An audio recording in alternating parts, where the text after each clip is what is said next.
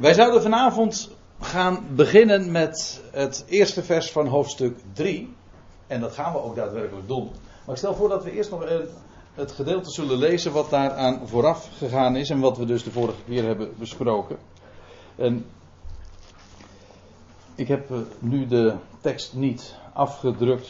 Dus ik zou zeggen, lees met me mee. Als u tenminste een bijbeltje bij u hebt. Of bent u nou zo lui geworden door de PowerPoint-presentatie door geen eens meer een Bijbel mee te nemen.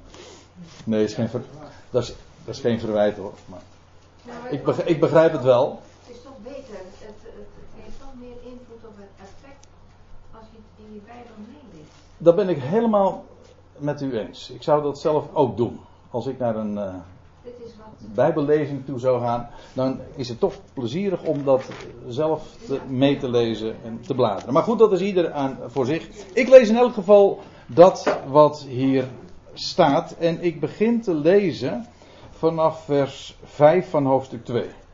Om dus er weer een beetje in te komen waar we het over hadden en wat het verband was. Want, zegt de schrijver in vers 5 dus, niet aan engelen heeft hij de toekomende wereld waarvan wij spreken onderworpen. Maar iemand, David, heeft ergens betuigd, in Psalm 8 is dat, zeggende, wat is de mens dat gij zijner gedenkt? Of des mensen zoon dat gij naar hem op ziet? Gij hebt hem voor een korte tijd beneden de engelen gesteld met heerlijkheid en eer hebt gij hem gekroond. Alle dingen hebt gij onder zijn voeten onderworpen. Dat is dan het einde van het citaat. En dan volgt het commentaar. Want bij dit alle dingen hem onderworpen, heeft hij niets uitgezonderd dat hem niet onderworpen zou zijn. Maar thans zien wij nog niet dat hem alle dingen onderworpen zijn. Maar wij zien Jezus, die voor een korte tijd beneden de engelen gesteld was vanwege het lijden des doods. Opdat hij door de genade Gods voor een ieder de dood zou smaken. Met heerlijkheid en eer gekroond.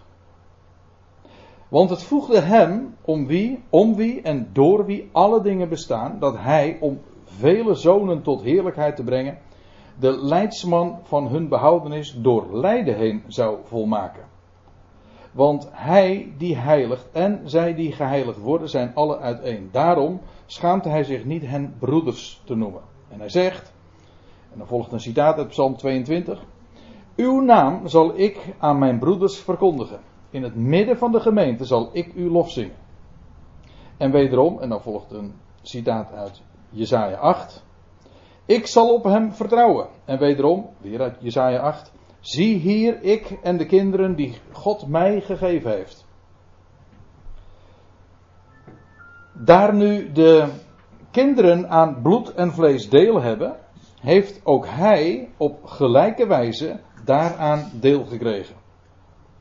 Opdat hij door zijn dood hem die de macht van de dood had, want zo hebben we dat de vorige keer ook vastgesteld, hem die de macht van de dood had, de duivel, de diabolos, zou onttronen en alle zou bevrijden die gedurende hun ganse leven door angst voor de dood tot slavernij gedoemd waren. En nou volgt dat beruchte vers 16, dat dus heel anders is dan we in de vertalingen aantreffen. En dan lees ik het meteen maar goed, want niet uh, engelen grijpt het aan, maar het grijpt aan het nageslacht van Abraham gaat daarbij over de dood. Daarom, vers 17, moest hij in alle opzichten aan zijn broeders gelijk worden, opdat hij een barmhartig en getrouw hoge priester zou worden bij God, namelijk om de zonde van het volk te verzoenen. Want doordat hij zelf in verzoekingen geleden heeft, kan hij hun die verzocht worden te hulp komen. En daarmee is dat tweede hoofdstuk ten einde. En het is ook niet voor niks dat men hier een nieuw hoofdstuk, hoewel niet geïnspireerd of zo, verder hoeven we daar geen inhoudelijke of uitlegkundige consequenties aan te verbinden. Maar het is niet voor niks dat men hier een nieuw hoofdstuk is aangevangen in hoofdstuk 3, vers 1. Dat dan begint met daarom, dat dus een conclusie is op basis van al het voorgaande en tevens de introductie van een nieuw onderdeel in het betoog. Die laatste versen zijn er de vorige keer een klein beetje bekaaid bij afgekomen. Omdat ik graag dat tweede hoofdstuk wilde voltooien met de bespreking. Maar het is van belang misschien nog even er op één ding te wijzen. En dat is dat er dan in vers 16 wordt er vastgesteld dat de dood grijpt geen engelen aan. Maar het grijpt het nageslacht van Abraham aan. Per slot rekening, dit is, en dat is voortdurend belangrijk om dat in gedachten te houden. En ik zal ook niet moe worden tot we de hele brief besproken hebben. Om altijd weer te benadrukken dat deze brief is geschreven aan Hebreeën. Aan het volk van Israël. En meer speciaal het gelovig deel van Israël, het gelovig overblijfsel, zoals dat in de profetieën vaak genoemd wordt. De gelovige rest. En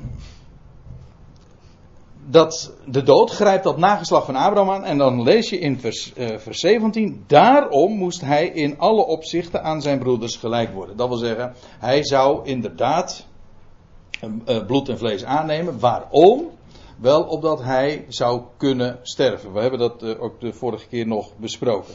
Hij heeft aan, bloed en vlees deel gekregen. Opdat hij door de dood hen die de macht van de dood had, zou onttronen. Dat wil zeggen, hij, hij nam deel aan bloed en vlees. Hij was werkelijk mens. Gewoon, zoals u en ik. Ja, ik weet het. Hebreeën 4 zegt uitgenomen de zonde. Maar neem niet weg. Hij was mens. De mens Christus Jezus. En hij, waarom werd hij mens? Om te kunnen sterven. Wat een subdoel is, want het doel is om te kunnen opstaan. Maar daarvoor moest hij sterven. Daarom, door de dood heen, heeft hij de, hem die de macht van de dood had ontroond. Nou, zo'n hoge priester hebben we. Hier wordt, ik zeg het nog eens, Israël aangesproken. Israël heeft een nieuwe hoge priester. Nu. Namelijk Jezus Christus. En waarom hij inderdaad de hoge priester is, nou dat wordt nog uh, in uh, Hebreeën 4, 5, 6, 7 uh, uitgebreid toegelicht. En daar komen we natuurlijk nog over te spreken. Maar goed, we hebben al even een. Uh, de eerste keer zijn we de term al tegengekomen. Hij is dus een. Hij is een, werkelijk een hoge priester voor zijn volk. Dat hij inderdaad de papieren daarvoor heeft, dat zullen we dus nog zien. Maar ook, hij is een capabel hoge priester. Hij is getrouw, dat, is, dat heeft hij bewezen. En bovendien, en dat is dan het laatste vers. Uh, want doordat hij in, uh, zijn, zelf in verzoekingen geleden heeft, kan hij hun die verzocht worden te hulp komen. Dat wil zeggen, hij is niet alleen maar geschikt om bij God uh, te pleiten, maar hij is ook uh, in staat om het volk te vertegenwoordigen. Volledig omdat hij mens is. Hij kent dat. Hij is, zoals we gelezen hebben, uh, doordat hij zelf in verzoekingen geleden heeft, kan hij hun die verzocht worden te hulp komen. Hij kent dat namelijk uit ervaring. Niets is hem vreemd. Hij is werkelijk dus begaan met het lot van zijn volk. Nou, en dat lijkt me een mooie aanleiding om dan meteen maar bij vers, nou ja, meteen, in ieder geval nu bij vers 1 van hoofdstuk 3 te beginnen. Daarom, nou, dat is dus duidelijk, het is een conclusie van heel het voorgaande. Heilige broeders. Waarbij het begrip broeders wat dubbelzinnig is, bij ons trouwens ook. Dat hangt een klein beetje vanaf van de context. En soms kan het dubbelzinnig uh, uh, zijn, ook letterlijk. In twee betekenissen. Ik bedoel, als ik mijn broer aanspreek, dan zeg ik: Ha, broer Dirk. En dat uh, bedoel ik soms ook en, dubbelzinnig, omdat hij in de, in, de in de letterlijke, vleeselijke zin een broeder is, maar ook in de geestelijke zin. En dat is hier eigenlijk ook wat dubbelzinnig, want de broeders, hier worden Hebreeën aangesproken. En dat zijn broeders naar het vlees. Hè? Zo spreekt Paulus ook dikwijls over de, over de Israëlieten. Zijn broeders naar het vlees. Maar ook broeders in de geestelijke zin. Dat blijkt hier ook wel, want ze worden genoemd heilige broeders. Dat wil zeggen, apart gezet. Apart gezet door het woord dat zij met elkaar deelden en dat zij geloofden. Nou ja, dat staat er uh, ook wel in deze brief, juist in dit hoofdstuk, maar daar komen we uh, over te spreken, ter discussie. Want er vond een enorme afval ook plaats daar in die tijd. Nou, ik ga dat nu nog even niet toelichten, daar komen we straks over te spreken. In elk geval, uh, ze worden zo aangesproken, heilige broeders, deelgenoten van de hemelse roeping. Dat betekent niet dat ze, uh, dat ze op weg waren naar de hemel. Dat zou best kunnen of zo, dat daar gaat het nu even niet om. maar de hemelse roeping, dat is gewoon een roeping vanuit de hemel. Het is de, zoals dat heet in de genitief, de tweede zin, de tweede naamval. En dat spreekt vooral van oorsprong. Genitief betekent letterlijk ook uh, vanuit. Hè? Oorsprong. Het is een hemelse uh, roeping. Waarom? Het is een roeping vanuit de hemel. En niet zozeer een, uh, een roeping naar de hemel toe. Hoezo vanuit de hemel? Wel, daar is onze, onze, dat wil zeggen van Israël, onze apostel en hoge priester. Deelgenoten, partners, ja, partners, deelgenoten van die hemelse roeping. Richt uw oog op de apostel en hoge priester van onze beleidenis Jezus. Richt uw oog of let op of merkt aan dit, dit bewuste Griekse woord. Dat, uh, dat betekent eigenlijk in de concordant uh, version wordt dat in zijn elementen weergegeven met downmind. Dat wil zeggen, uh, dat wekt de gedachte op dus van iets wat uh, laat het goed bezinken in je gedachten. Down, richting, in, zoals wij dat trouwens ook zeggen. Laat dat neerdalen in je hart, in je mind. Dat is dit woord. Kata betekent neerwaarts en dat laatste heeft te maken met de mind, ja, met het verstand, met de binnenkant, zeg maar, het kennen. Nou, merkt dat op. Uh, het wordt uh, heel wat keren in het Nieuwe Testament gebruikt. Het is niet zozeer dus de gedachte van uh, kijk daarnaar, maar merk dat op. Het is een sterk woord, het is een oproep. Merk op de apostel en de hoge priester van de beleidenis van ons, namelijk Jezus.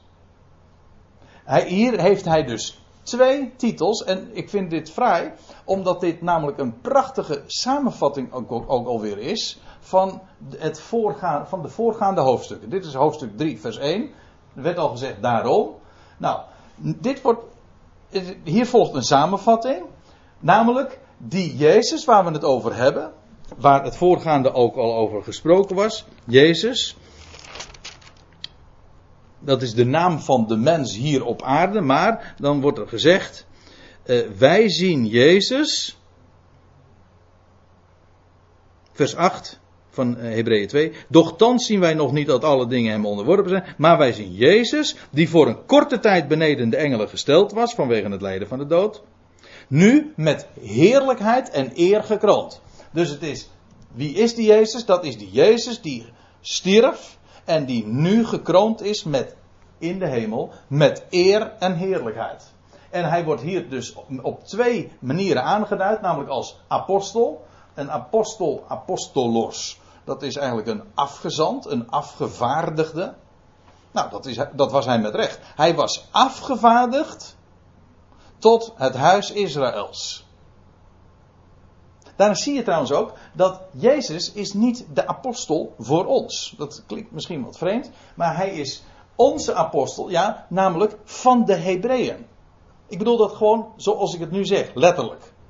Hij was gezonden, Jezus, hier op aarde, tot het huis Israël. Zo zegt hij dat ook ooit tegen die, zo zei hij het eh, letterlijk tegen die vrouw uit Tyrus, die een beroep op hem deed.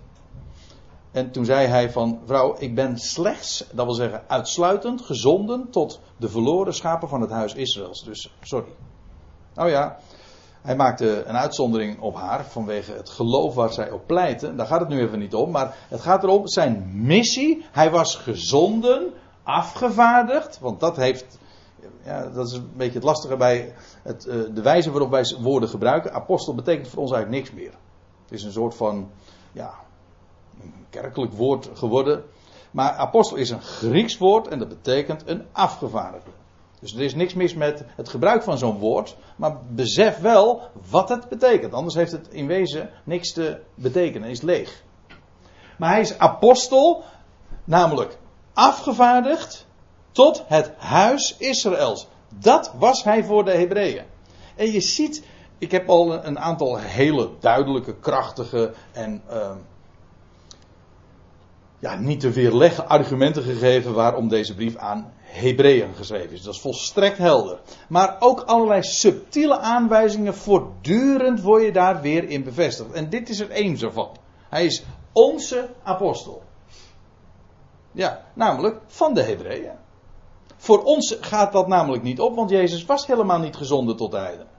Als Jezus hier op aarde was, dan zouden wij als gelovigen uit de natie niets met hem te maken hebben.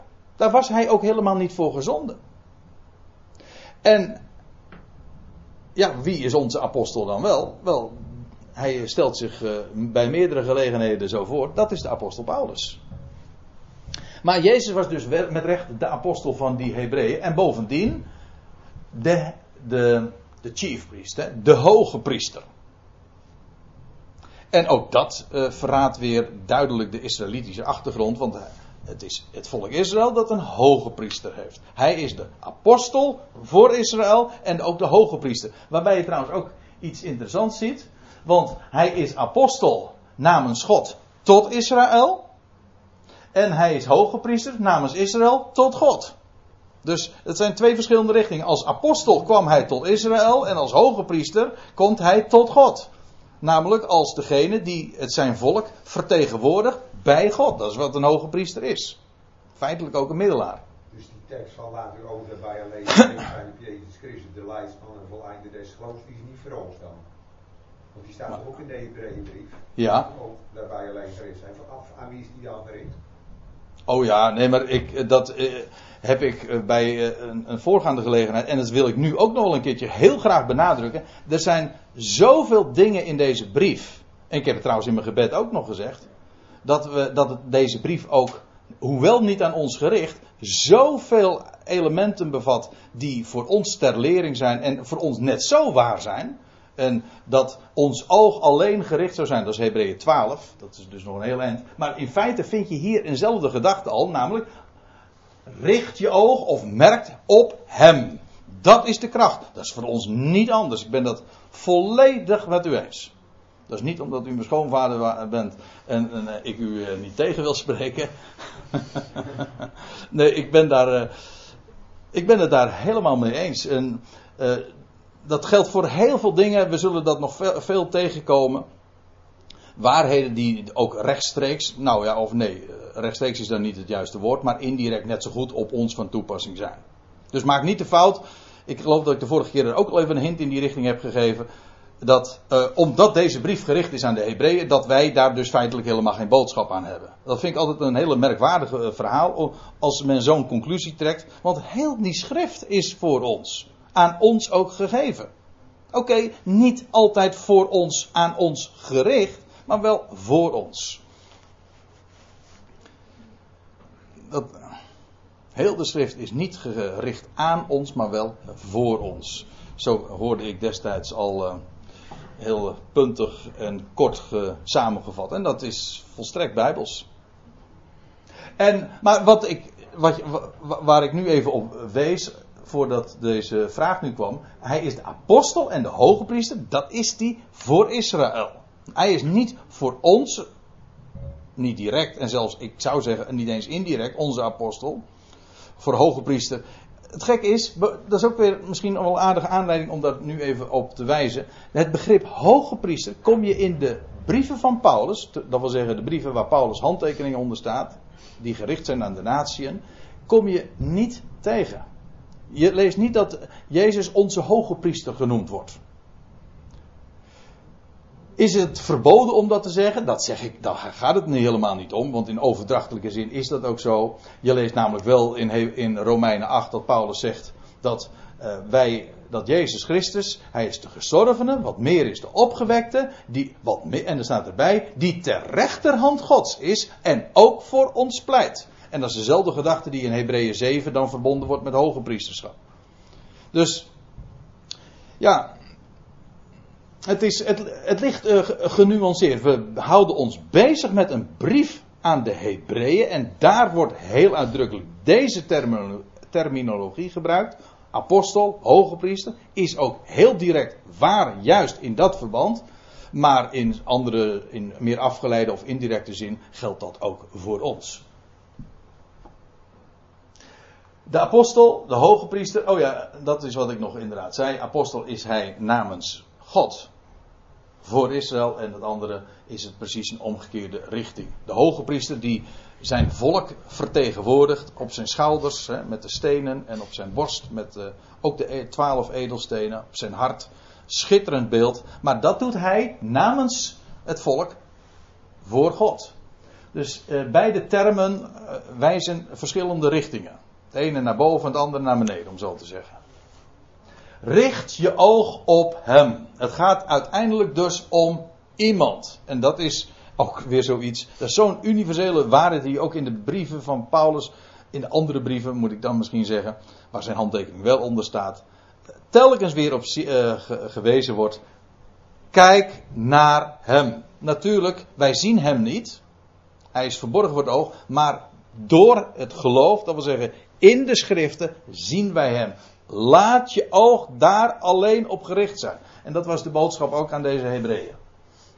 Van onze beleidenis. Ja, ik, ga, kan het niet nalaten om daar toch ook nog even op te wijzen. Hier, hier zie je dat woordje onze beleidenis. Een term die nogal eens vaker in de Hebreeënbrief gebruikt wordt.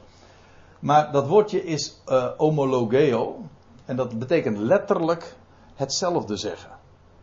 Een beleidenis is het naspreken van in dit geval het woord Gods.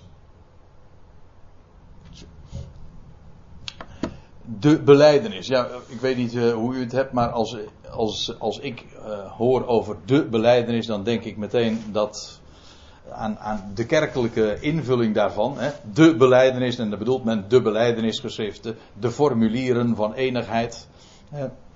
de Dordtse leerregel. Maar het idee van de beleidenis was altijd van, het was het naspreken van de schrift. Als dat het inderdaad geweest zou zijn, dan zou er ook geen enkel bezwaar tegen zijn. Je, dan zou je ook, je nooit hoeven te beroepen op, op de beleidenis. Als de beleidenis niks anders is als het naspreken van de schrift, hoef je dus niet de beleidenis te beroepen. Dan is dat juist, de beleidenis is juist dat je zegt, er staat geschreven. De kracht is juist in de verwijzing. Dat je hetzelfde zegt. Dan hoef je dus niet. Het, het, uh, het is een, uh, een alarmsignaal wanneer je, wanneer je je beroept op de beleidenis. Want dat geeft aan dat je kennelijk niet de schrift naspreekt.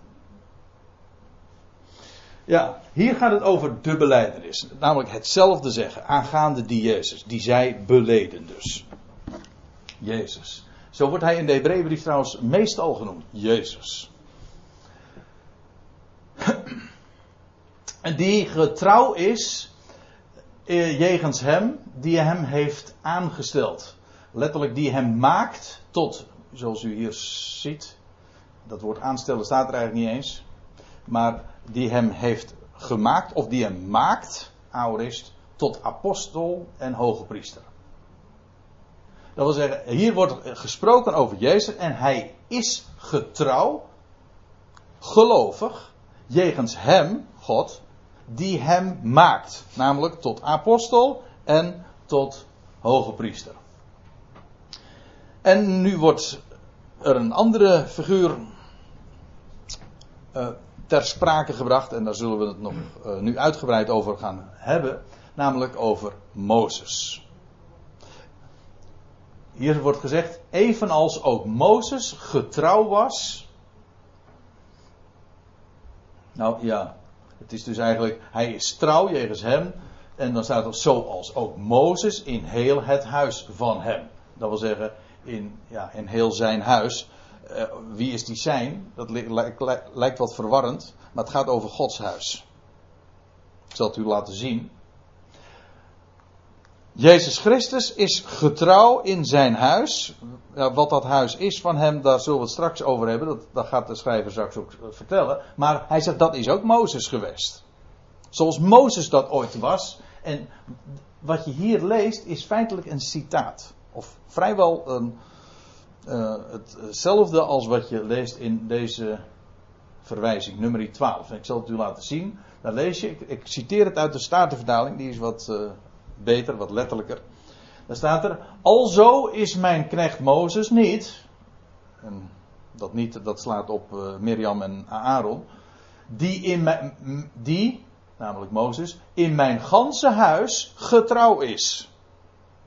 Wat is dat huis? Het gaat hier dus over mijn ganse huis. Eh, Gods huis dus. Mozes was getrouw in Gods huis. En wat is dat huis? Nou, in ieder geval de tabernakel. Je kunt het zelfs nog breder opvatten, namelijk als het, het huis Israëls. Maar in ieder geval gaat het hier over de tabernakel.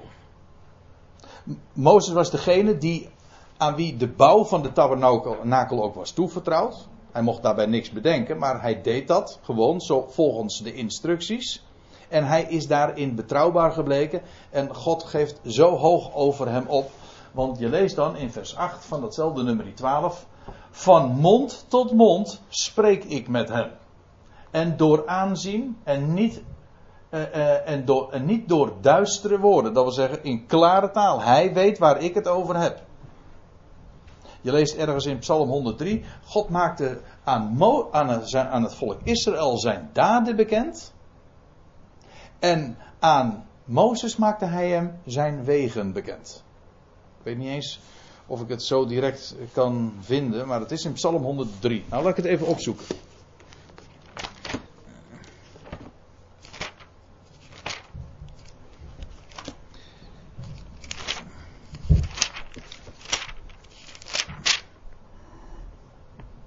Ja, dat is in Psalm 103, vers 6, daar lees je, de Heer doet gerecht, Jawel, doet gerechtigheid en recht aan alle verdrukten. En dan staat er in vers 7, hij maakte Mozes zijn wegen bekend. De kinderen Israëls zijn daden. Dat wil zeggen, de afzonderlijke daden bewees hij. Maar Mozes wist veel meer. Mozes kende Gods wegen. Niet alleen Gods weg, maar Gods wegen. De routes die hij ging. Hij had inzicht in dat wat God voornemens was. Dus dat is veel meer dan alleen maar zijn daden bekendmaken en laten zien. Dat zag Israël ook. Maar Mozes had inzicht in wie God was. En, dat is wat je hier ook bevestigd vindt in nummer 12. Dat, dat uh, Mozes, van Mozes gezegd wordt, hij is getrouw in, getrouw, gelovig. In heel mijn, in mijn ganse huis, van mond tot mond spreek ik met hem en door aanzien. En niet door duistere woorden en de gelijkenis des Heren aanschouwt hij. Dat wil zeggen, dat wat op de Heer lijkt, of zijn beeld, of een uitbeelding is van hem, dat zag hij.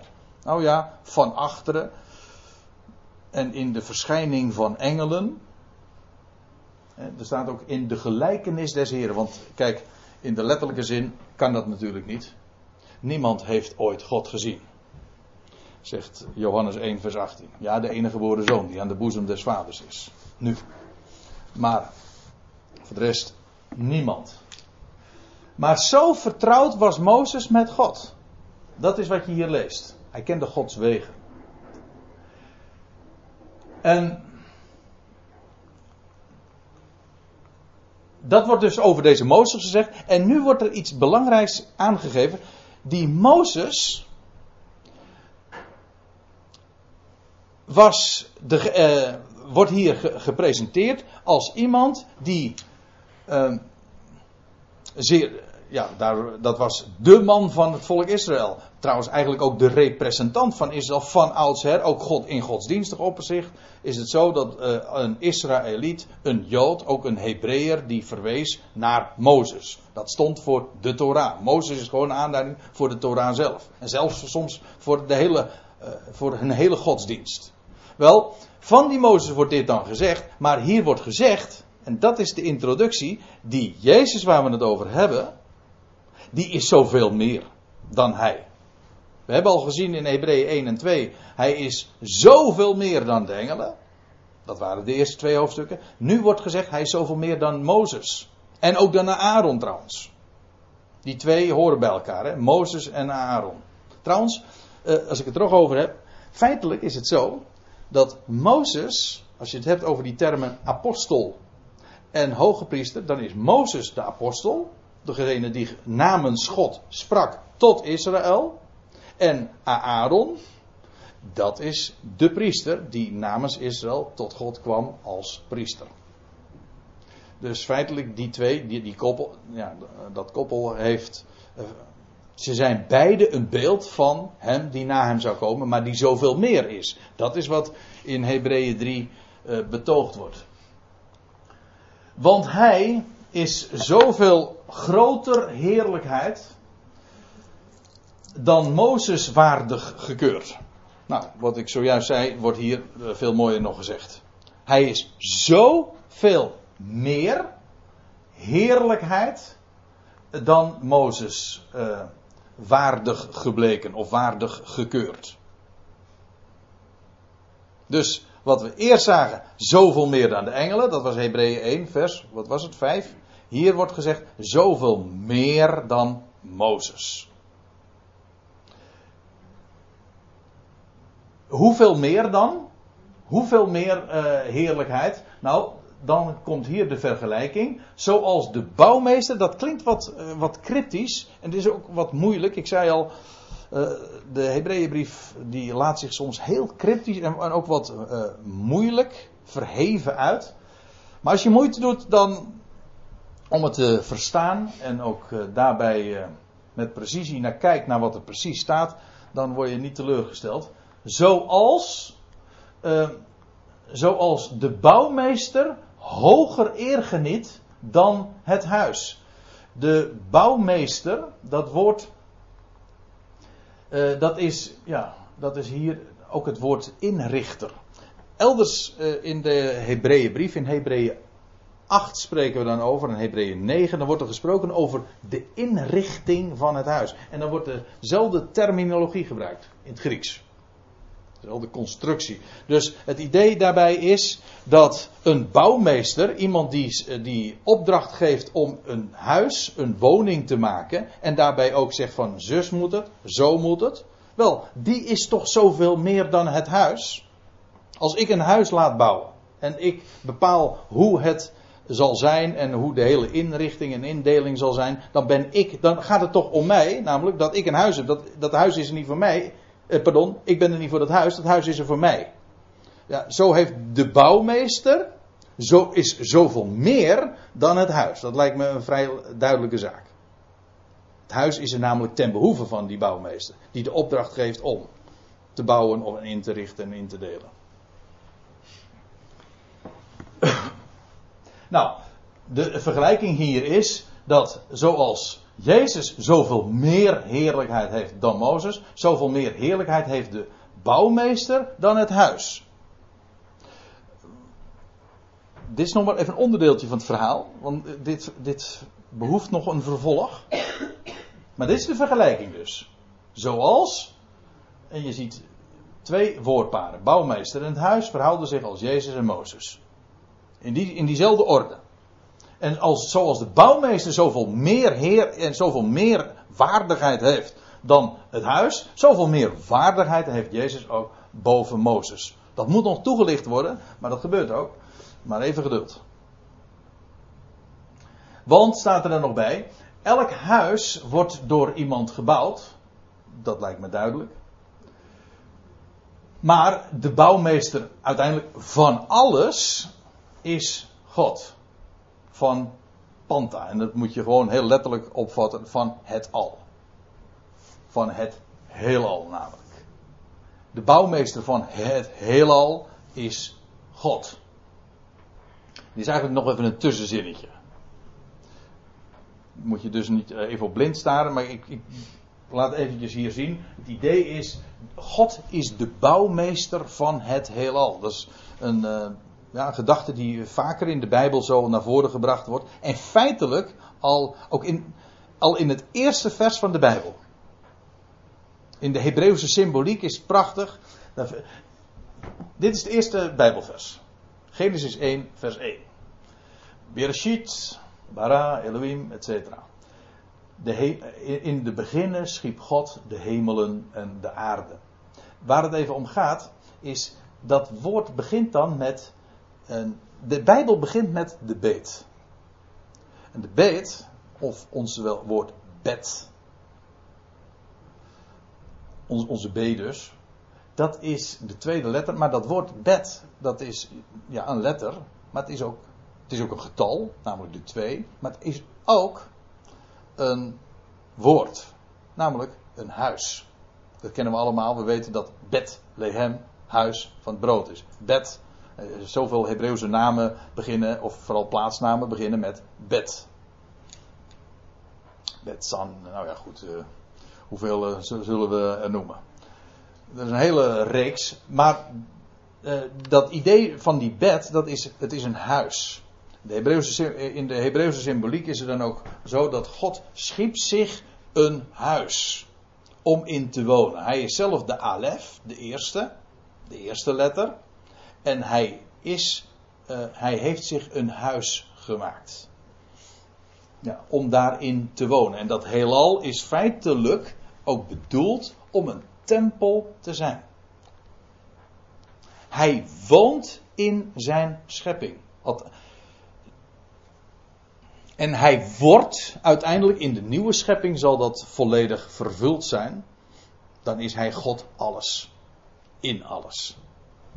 Dan woont hij werkelijk in zijn schepping. Is zijn aanwezigheid uh, evident en duidelijk in, in, in elk creatuur. Maar feitelijk nu is het ook zo dat heel de schepping spreekt van zijn heerlijkheid. Hij woont daarin. Nou ja, dat even als toelichting op de, de bouwmeester van alles is God. Het gaat daarbij over het heelal. God is de bouwmeester van het heelal. En nou, en nou volgt uh, een conclusie, of nee, een voortgang bij, van het betoog. Nu was Mozes wel getrouw in heel zijn huis, dat was al vastgesteld. Mozes heeft alles gedaan in het huis wat hij moest bouwen, wat hij moest doen. Hij was getrouw. God had hem een afbeelding gegeven ooit op de, de berg. En, God en Mozes heeft dat gebouwd. Hij was daarin inderdaad dus getrouw. In heel zijn huis, dat wil zeggen weer in Gods huis. Maar staat er als dienaar. En dit, ik heb het woord onderstreept om even iets anders aan te geven. Want het idee is. Het, het, het grappige is trouwens dat het Griekse woord wat hier gebruikt wordt therapon. En dat is, daar is ons woordje therapie nog weer van afgeleid. In dit geval is een aparte variant daarop. Maar het betekent hier zoiets als een, dienstbode. Een dienst, een, als dienstbode om te getuigen. Het idee daarbij is, Mozes was inderdaad getrouw in heel zijn huis, maar hij was slechts een dienstbode, een dienaar. Trouwens, dat hadden we net ook gelezen in Hebreeën. Uh, in nummer 12. Hè? Hij is mijn knecht.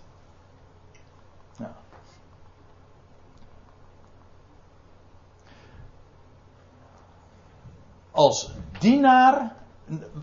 Van wat dan? Nou, om te getuigen. Tot het, of letterlijk tot het getuigenis van hetgeen van hetgeen gesproken zou worden. Van hetgeen gesproken zal worden. En waar verwijst dat naar? Wel, in feite naar het allereerste begin ook al van de Hebre wat de Hebreeënbrief zegt. Wat waar begon de Hebreeënbrief mee? God heeft eertijds vele malen op vele wijzen gesproken tot, tot, tot de vaderen door de profeten, etc. En, maar heeft nu in het laatste dagen gesproken in de zoon. Hij heeft gesproken in de zoon. En wel, Mozes was een dienstbode om te getuigen van dat wat zou komen. En van het woord wat geopenbaard zou worden in de toekomst. En feitelijk is heel Mozes bediening, ook de hele profets, Mozes was ook een profeet. En hij heeft gesproken over hem die zou komen. Maar wat dacht u wat? We hebben het over het huis van het huis wat hij heeft gebouwd, of in ieder geval wat hij uh, mocht bouwen namens God. Maar dat, dat hele huis spreekt van, van hem die zou komen. Tot in alle kleine details. Hoop ooit nog eens een keertje daar een, uh, een serie studies uh, over te mogen geven. Ja, ik heb al over allerlei onderdelen dat wel, wel gedaan, maar om eens een keertje echt een, als onderwerp te nemen, de tabernakel. Schitterend onderwerp. Van alle onderdelen, van de ingang tot het, tot het wasvat, het, brandofferaltaar, het heilige in met alle attributen, het heilige der heiligen. Alle bepalingen, de kleuren, de afmetingen, de materialen waar het mee het gemaakt werd. Het, het spreekt allemaal tot in de finesses. En de Hebreeënbrief gaat dat nog in het vervolg. Maar dan, komen we, dan zijn we inmiddels in Hebreeën 8, 9. Ja, Hebreeën 9. Gaat dat nog uitgebreid aantonen. En bespreken. Die tabernakel spreekt van hem die zou komen. Nou, en Mozes was slechts een dienstbode daarvan. Niet meer. Hoe hoog en hoe verheven hij dan ook was. En God spreekt daar ook met de grootste achting over. Hij was, als je het vergelijkt met, slechts een dienstbode. En als je het zo zegt, dan staat dat in contrast tot de zoon. Je hebt aan de ene kant de dienstbode, de dienaar, die slechts dienstbaar was aan. En je hebt de zoon. Dat wil zeggen, de erfgenaam, want dat is wat de zoon is. De lotsdeelbezit. Degene aan wie het alles zal toekomen. Dat is de zoon. Maar, dus het is hij als dienst, als dienaar, als dienstbode. En maar Christus, de gezalfde, de opgestane. Want hij is gezalfd met Gods geest toen hij opstond uit de dood. Toen kreeg hij de geest. De Christus, maar Christus als zoon. Als de over zijn huis. Over zijn huis. Het idee daarbij is dat dat huis van Mozes, waar, of waar, Mozes, uh, waar hierover gesproken wordt, die tabernakel, was een uitbeelding slechts van dat wat zou komen. En wel het huis waar hiervan gezegd wordt, zijn huis zijn wij. En dan praat je niet meer over een huis van uh, fysieke materiaal, van, van bouwstenen, van goud en van zilver en van hout of whatever. Nee, dan praat je over mensen. Dat huis is gebouwd door, van mensen. En dat zie je hier. Trouwens, dat zie je ook in de brieven van, van Paulus. Ik bedoel, in de Korinthebrief staat het. Uh, wordt, uh, wordt die beeldspraak gebruikt. In de Efezebrief ook. Maar. Uh, ik, ik, wil me nu even beperken tot het volk Israël. En dan gaan we naar 1 Petrus. Want als hier staat, zijn huis zijn wij, dan moet je, moeten we even bij de les blijven. En dan zeggen we, zijn huis zijn wij, wij, Israël, gelovig Israël. En dat vind je inderdaad terug bij Petrus. Waarom haal ik Petrus aan? Wel, Petrus was een apostel ook van de besnijdenis richt zich tot Israël. En dat zie je ook al in de aanhef van zijn brieven. En zelfs als je die aanhef van de brieven niet zou lezen, dan zou je het nog weten, want hij is de apostel van de besnijdenis. Sowieso. Op voorhand weten we dat al, maar de brieven bevestigen dat ook. En de inhoud ook. En nou uh, neem ik u even mee naar het tweede hoofdstuk van 1 Petrus. En dan lees je, vers 5. En laat ook uzelf, ik val hier midden in de zin natuurlijk. En laat ook uzelf als levende stenen, niet als bakstenen dus, maar als levende stenen gebruiken voor de bouw van een geestelijk huis. Nou praten we dus niet meer over een letterlijk materieel huis, maar over een geestelijk huis dat niet gebouwd is van bakstenen, of ook, niet trouwens van eh, fysieke stenen uit de rots gehouden, maar van levende stenen. Jullie zelf zijn die stenen. En laat je gebruiken idee is dat die bouw van het huis, het is een geestelijk huis en hij is degene die dat bouwt. En wat Petrus, waartoe Petrus oproept, is laat je ook gewoon daarvoor uh, gebruiken. Voor de bouw van een geestelijk huis, en dan staat erbij, om een heilig priesterschap te vormen. Tot het uh, brengen van geestelijke offers die goden welgevallig zijn door Jezus Christus. Het idee daarbij is dat dat huis ook nog eens bewoond wordt en wat door priesters die tot God naderen en hem offers offeren. Hem lof offeren. En dan eh, sla ik even een paar versen over en dan kom ik in vers 9. Over wie gaat dat nou? Wie, wie vormen dat geestelijke huis waar Petrus het over heeft? Nou, dan wordt er gezegd: Gij echter zijt een uitverkoren geslacht. Dat wil zeggen, familie, een, uit, van alle geslachten zijn jullie uitgekozen. Het gaat hier ook weer over Israëlieten.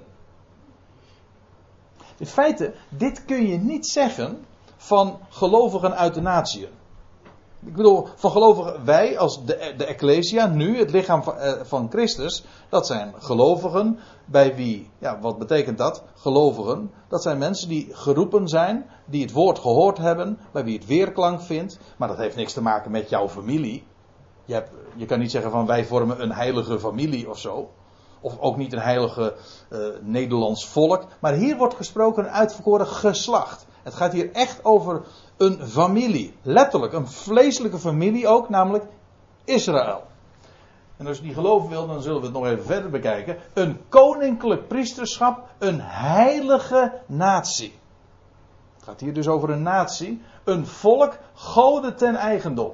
En dan staat er nog bij om de grote daden te verkondigen van hem die u uit de duisternis geroepen heeft tot zijn wonderbaar licht. Ik zou haast even willen doorlezen, want daar staat er nog achteraan. U eens niet zijn volk, maar nu wel zijn volk. Eens lo ami, maar nu ami. Dat is ook een citaat uit Hosea weer.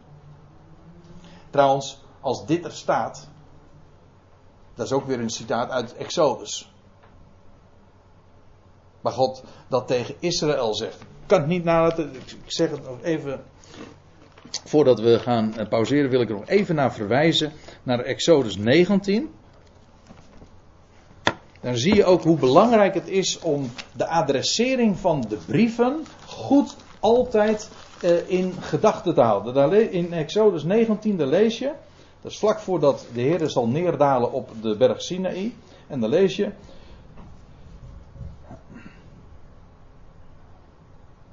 Toen, vers 3. Toen klom Mozes op tot God en de Heere riep tot hem van de berg en zeide: Zo zult gij zeggen tot het huis van Jacob.